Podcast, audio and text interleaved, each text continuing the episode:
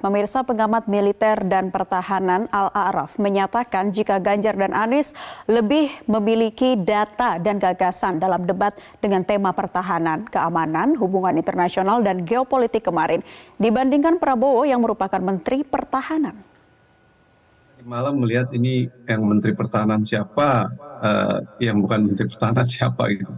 Karena secara umum saya ingin katakan bahwa Pak Ganjar dan Pak Anies justru menguasai data eh, dan gagasan tentang isu di sektor pertahanan ketimbang Pak Prabowo sendiri yang menjadi Menteri Pertahanan.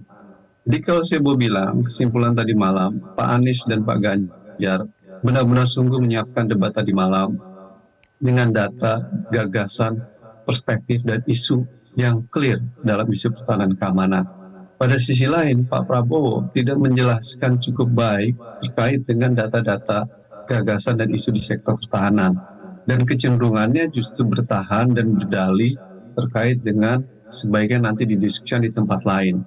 Menurut saya, kita sedang debat kandidat presiden. Di mana pun debat kandidat presiden dijelaskan di depan publik agar masyarakat tahu bagaimana visi, gagasan, ide terkait dengan kepemimpinan dia kalau menjadi presiden Isu hmm. pertahanan dan keamanan ini isu yang penting dan serius, Mbak.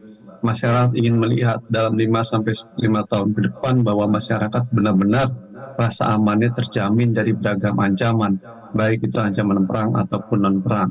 Nah, oleh karena itu, kandidat presiden harus bisa menunjukkan, menunjukkan data, visi, ide, dan gagasan dalam dalam debat tadi malam, bukan diskusi di tempat lain dan dalam ruang ya. lain Nah, oleh karena itu, menurut saya itu menunjukkan Pak Prabowo tidak memiliki kekuatan substansi dan data yang baik tadi malam dengan kata tidak memiliki persiapan dan ya. Substansi yang cukup untuk uh, menjelaskan isu tadi malam.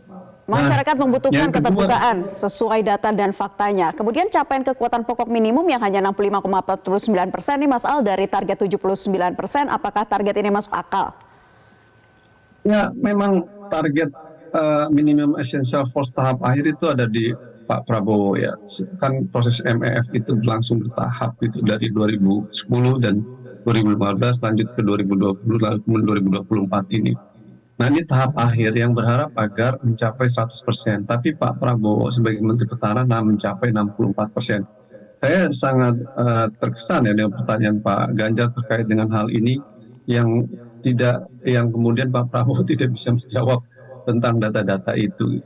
Alasan COVID tidak bisa menjadi alasan terkait hal ini. Kenapa demikian? Karena tahun 2015 sampai 2019, utang pinjaman luar negeri untuk alutsista itu di bawah dari utang di masa Pak Prabowo. Hanya kurang lebih 7 miliar dolar selama lima tahun. Tapi di masa Prabowo, Pak Prabowo 2021 aja 9 miliar US dollar kalau tidak salah meski dilakukan secara bertahap. Jelajahi cara baru mendapatkan informasi. Download Metro TV Extend sekarang.